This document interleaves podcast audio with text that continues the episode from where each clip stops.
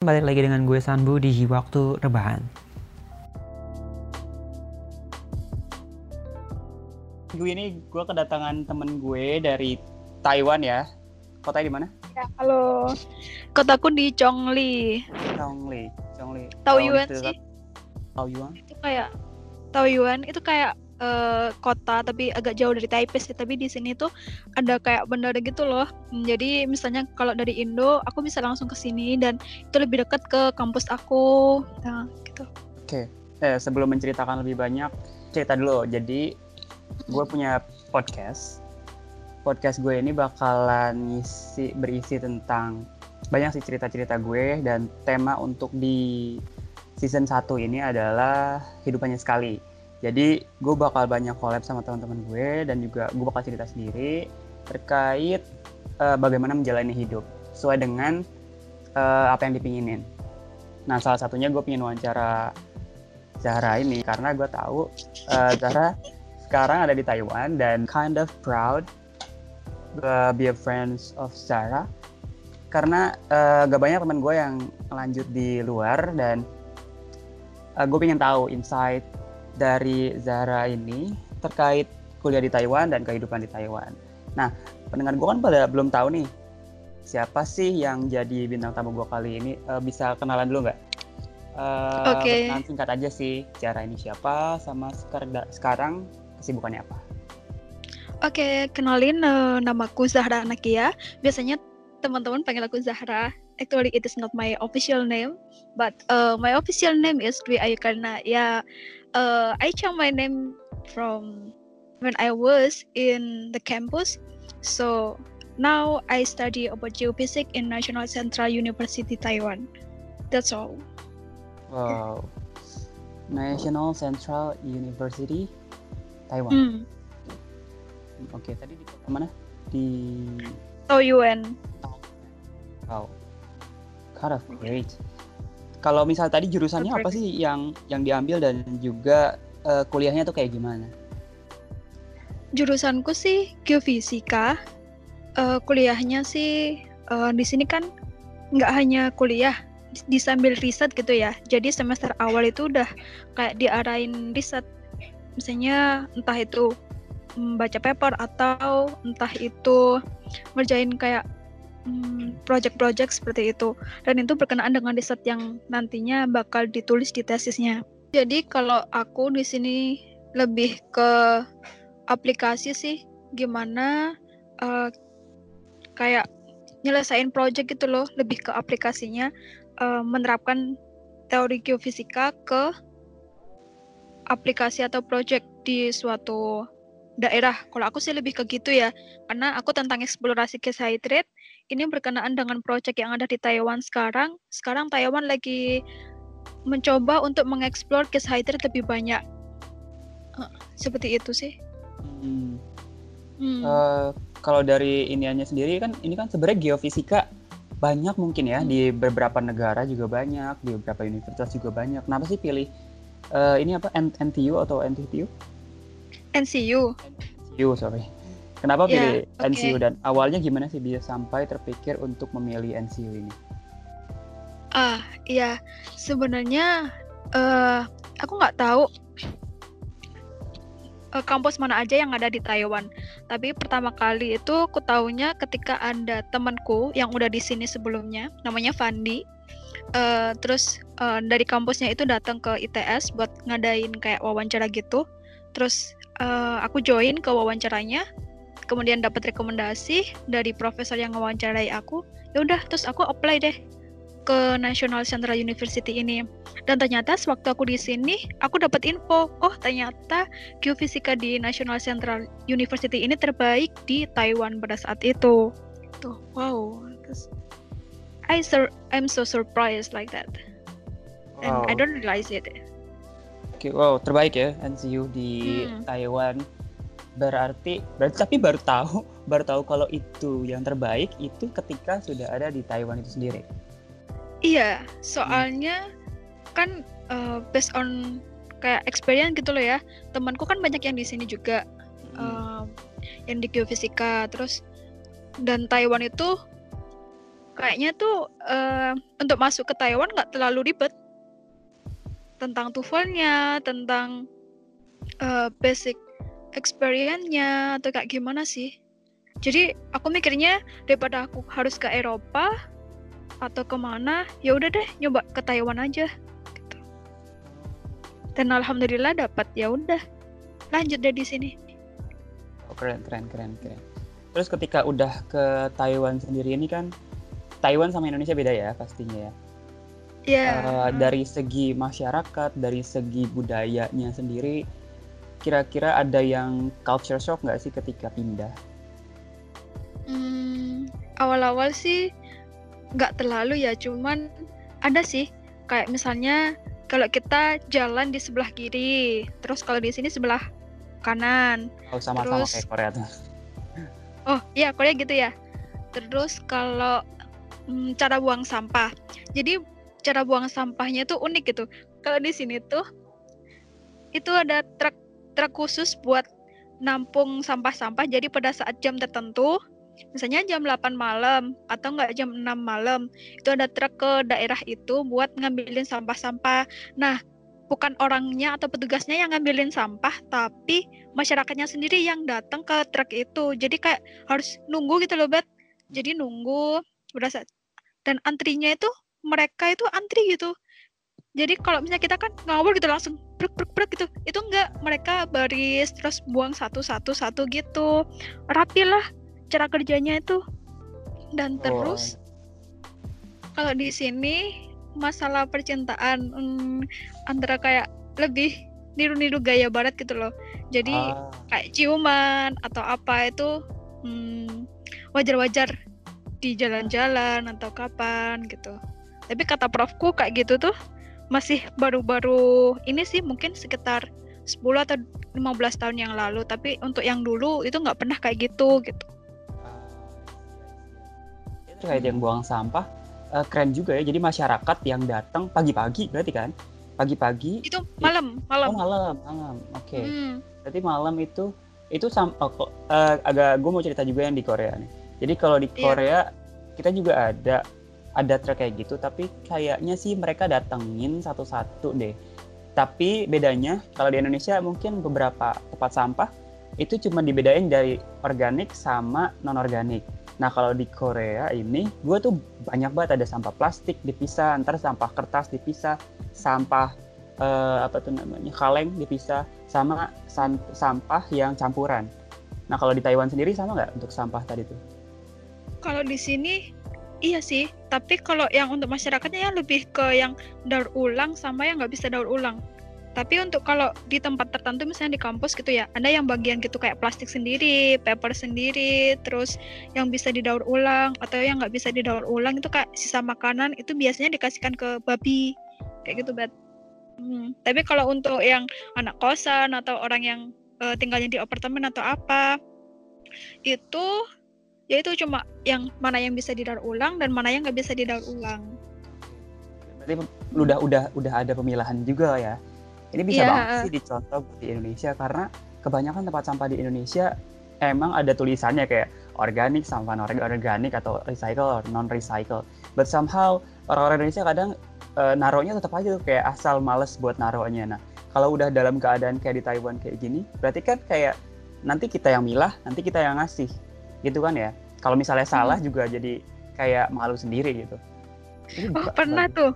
Aku pernah kedapatan pengalaman di dimarahin sama petugas sampah. Gara-gara waktu itu aku males banget kan buat milah-milah sampahku gitu Ben. Jadi ada beberapa kayak botol yang masih bisa digunain atau enggak uh, jadi di sini tuh kan ada minuman yang biasanya kayak dari kertas dan itu bisa didaur ulang. Dan itu aku campur sama sama sampah yang nggak bisa didaur ulang. Ketahuan sama si petugasnya, terus disuruh next time jangan gitu lagi ya. Terus aku, oh iya. Ketat sih gitu. kayaknya. Uh, kayak Hong Kong, Jepang, Korea, Taiwan, kayak gitu-gitu tuh uh, mulai main ketat masalah uh, sampah.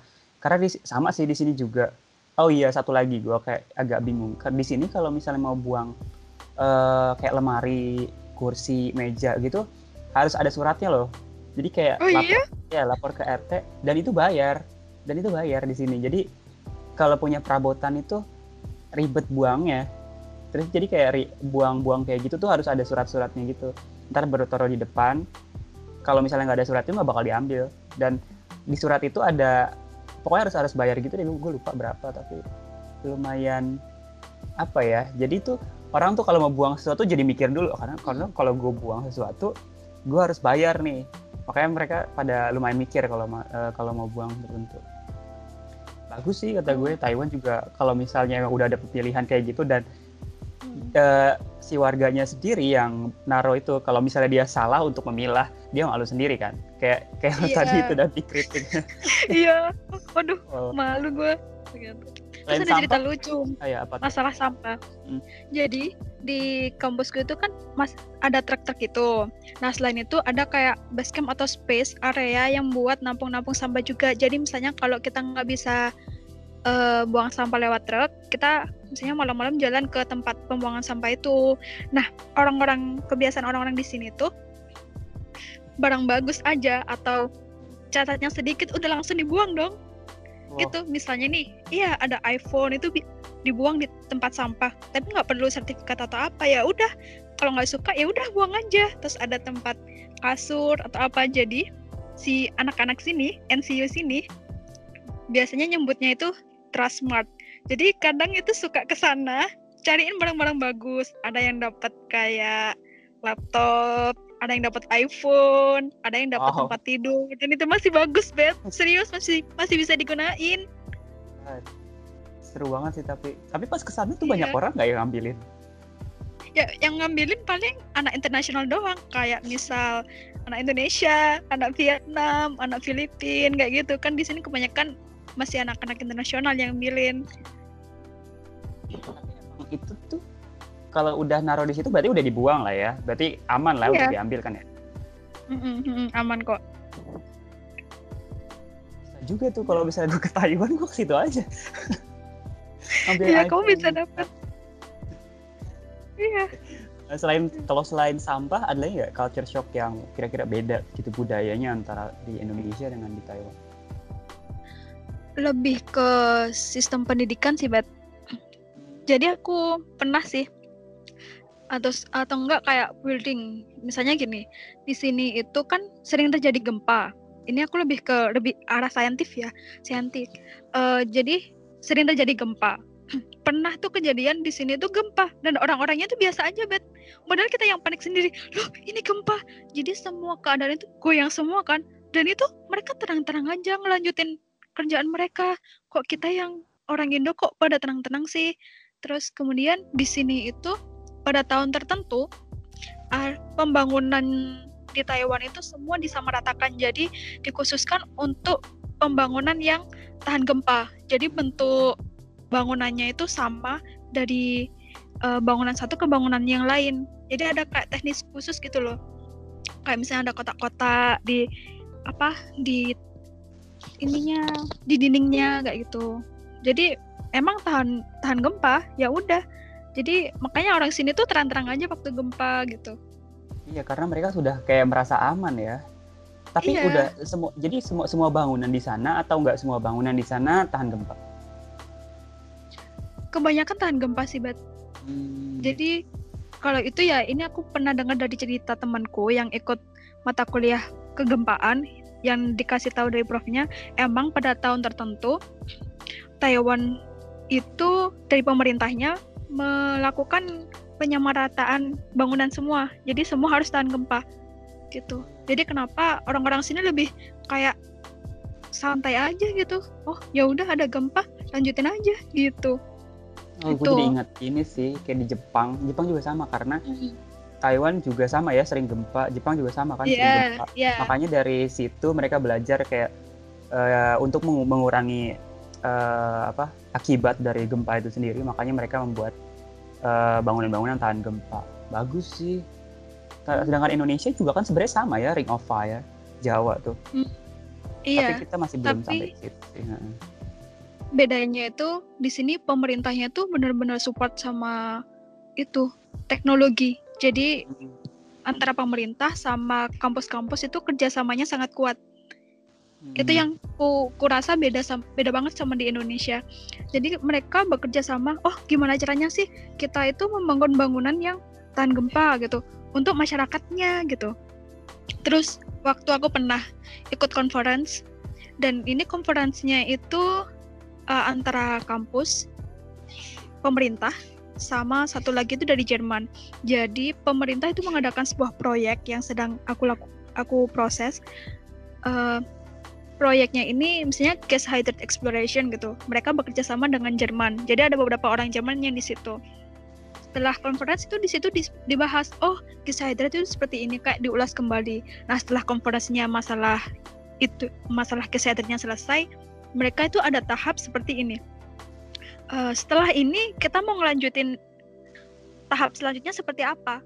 Kalau di Indo kan ibaratnya kalau kerjasama, oh ya dilimpahin di univ ini atau di misalnya di perusahaan mana gitu. Cuma yang kerja ya di perusahaan itu. Tapi kalau di sini enggak. Jadi semuanya itu kerja kerjanya itu sepadan, nggak ada yang tumpang tindih. Misalnya, oh aku kemarin habis gini nih yang dari Jerman. Oh aku kemarin habis gini. Berarti habis ini kita itu seperti ini. Jadi gitu. Jadi nggak diarahkan cuma satu pihak doang gitu. Jadi mereka semua kerja dalam satu waktu itu dan hasilnya itu pun di-share bareng-bareng nanti lanjutnya seperti ini gitu. Outputnya pun eh, balik ke mereka semua gitu. Kalau di Indo kan, oh kayak ada tumpang tindih gitu kan, misalnya dikasihkan ke mana atau cuma univ itu doang atau seperti apa gitu. ke kolaborasi gitu ya. Iya, heeh, kolaborasi eh, kerjasama antara beberapa pihak. Bagus sih, jadi banyak stakeholdernya. Dan itu jadi kayak eh, lengkap gitu loh. Ada yang dari bidangnya, di bidangnya sendiri-sendiri. Ada yang dari perusahaan apa, bisa dari aplikator, dari dunia pendidikan, Hmm. dari dunia research, dari pemerintahan ya ada juga. Oke oke. Iya, benar. Ini PR juga sih. Mungkin somehow lo balik lagi atau gue juga balik lagi ke Indonesia. Kita bisa ngajuin ini sih sebenarnya untuk kemajuan Indonesia juga. But I don't know. Iya, maybe, may- mungkin aja udah udah ada udah ada un- mungkin udah ada apa inisiasi untuk untuk kayak gini cuman mungkin banyak challenge untuk hal ini tapi ini bisa Iya. banget sih dipakai Hmm. Ya, berarti tadi dari eh, sampah terusnya ta dunia tadi apa lagi tuh research oh tadi satu lagi tuh eh, pacaran di sana bebas banget sebebas itu Iya. Oke. Iya. Jadi pernah ada ketahuan ada yang kayak gitu melakukan hal itu. Hmm. Tahu kan maksudku apa itu? Iya, saya- Tanda petik ya. Di asrama dong, akhirnya kepergok.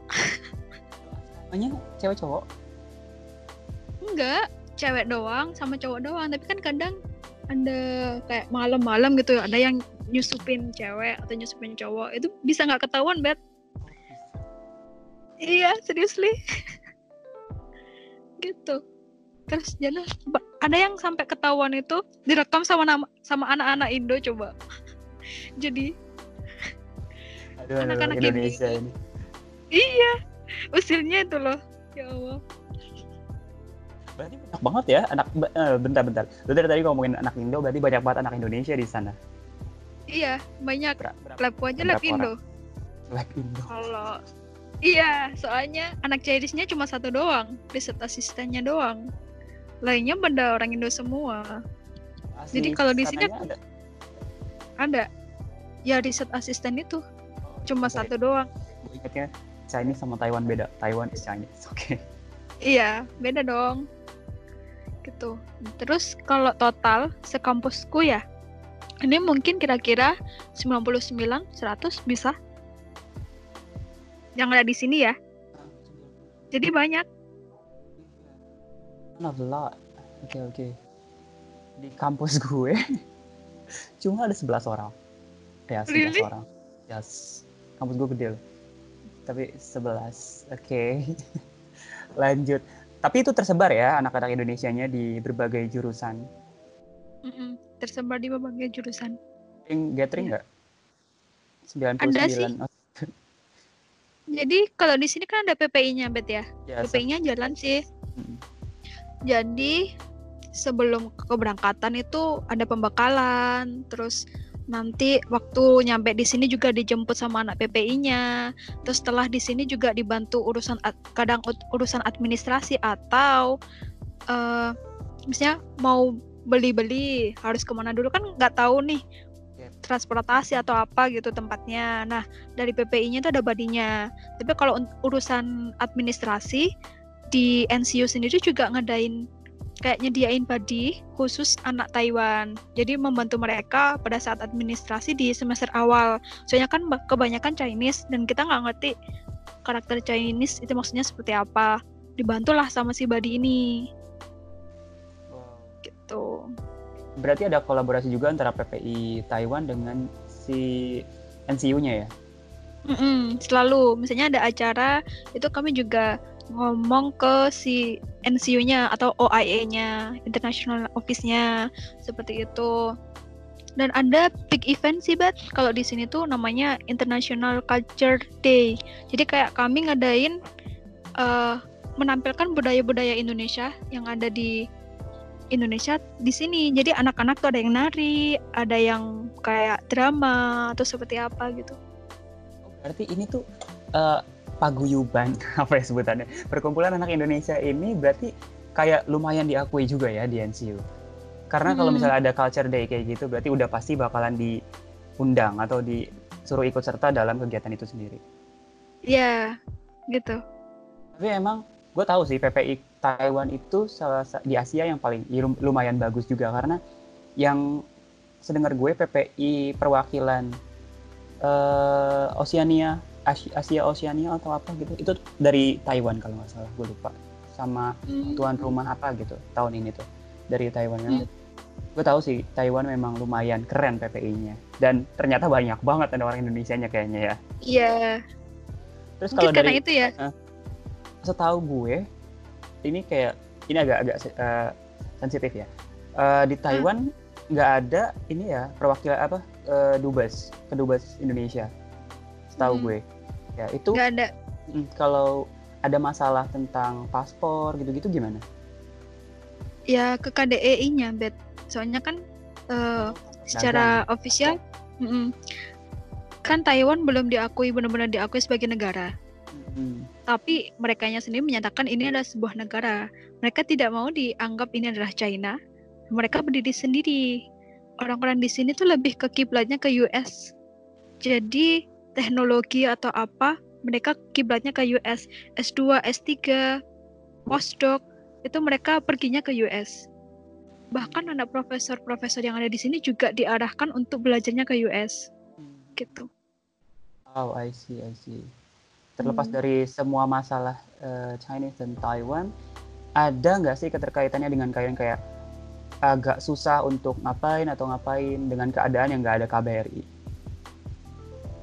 Ada, ada hal yang sulit dilakukan nggak?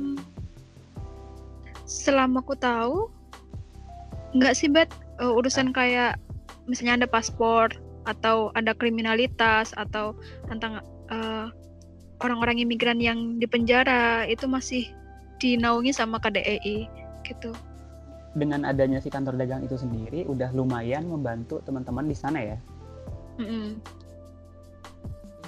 That's true.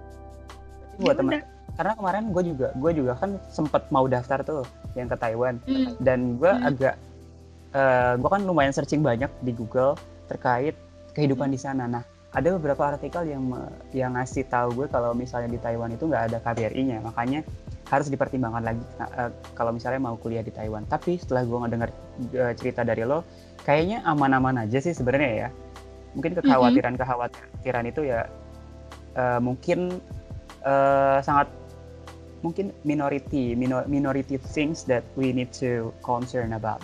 Karena dengan uh, kantor dagang itu sendiri sebenarnya udah kebantu banyak. Iya sih.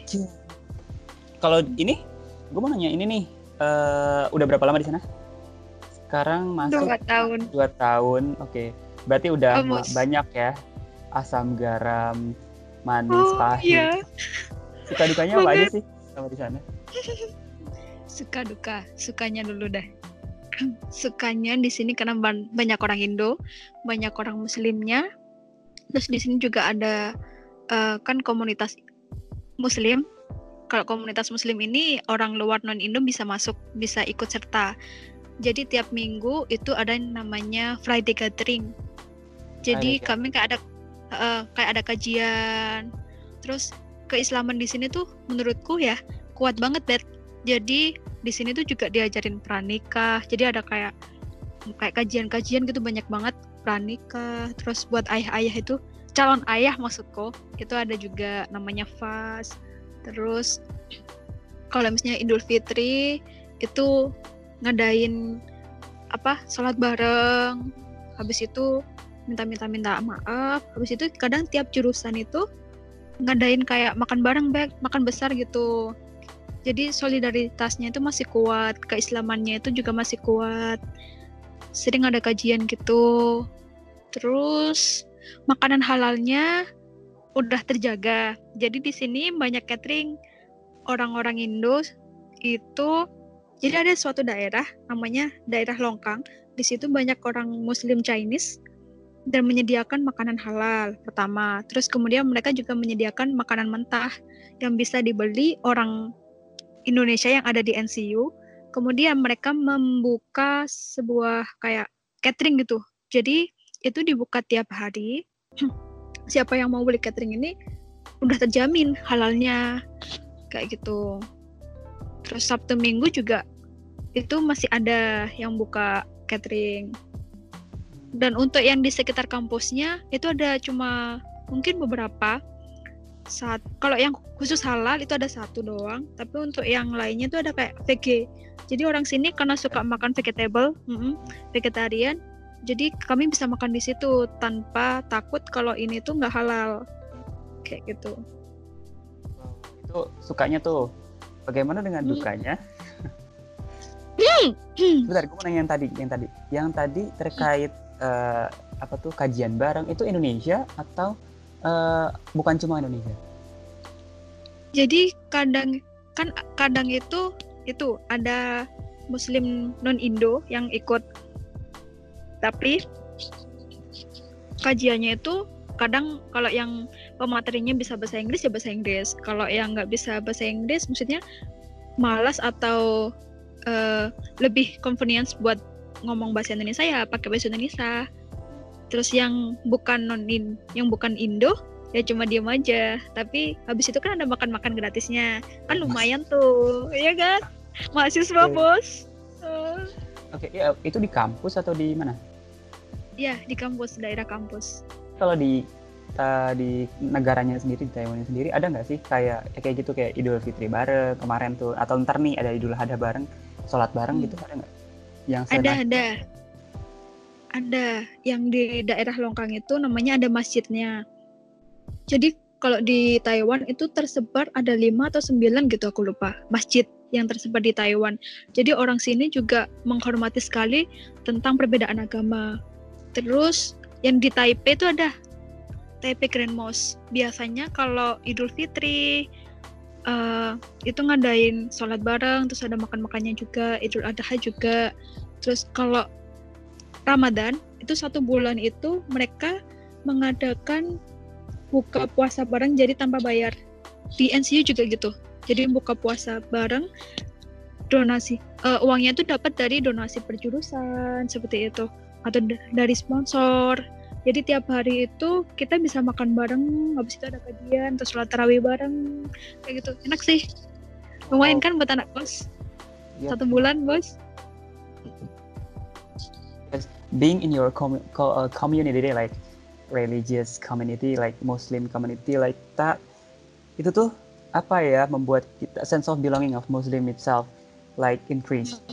Jadi kebawa lagi nih uh, budaya Islamnya. Meskipun di sana minority ya gue juga di sini minority Iya. kan sebagai Islam di uh, Korea but di Korea oh mungkin beda kali ya. Karena di sini uh, komunitas Islamnya kurang. Karena mungkin orang Indonesia juga jarang dan juga Mm. jadi gue tuh kayak kalau misalnya mau nyari makanan halal tuh agak susah juga. Kecuali kalau mau masak sendiri pasti. Hmm. tapi kalau di Taiwan kayaknya aman ya buat teman-teman eh, muslim yang mau ke sana.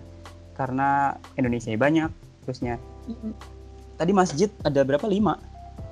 Lima atau sembilan gitu tersebar di daerah utara sampai ke selatan Taiwan. Gitu. Di- jadi lumayan nih kalau di gue nih di Seoul cuman satu di Taiwan itu doang. Dan ini pun nanti Idul Adha Mhm. dia nggak buka. Nggak buka. Oh iya? Ya karena covid kan. Karena di Oh. Korea kan benar-benar ini banget. Jadi karena covid eh, Idul kemarin udah ada lebaran. Idul Adha tidak diadakan sholat bersama. Hmm. oke sekarang dukanya nih. Dukanya apa aja? Banyak dukanya kayaknya ya. Ah, nggak boleh nggak boleh. Jadi kalau dukanya sih Stay tune terus karena kelanjutannya di part 2. Bye.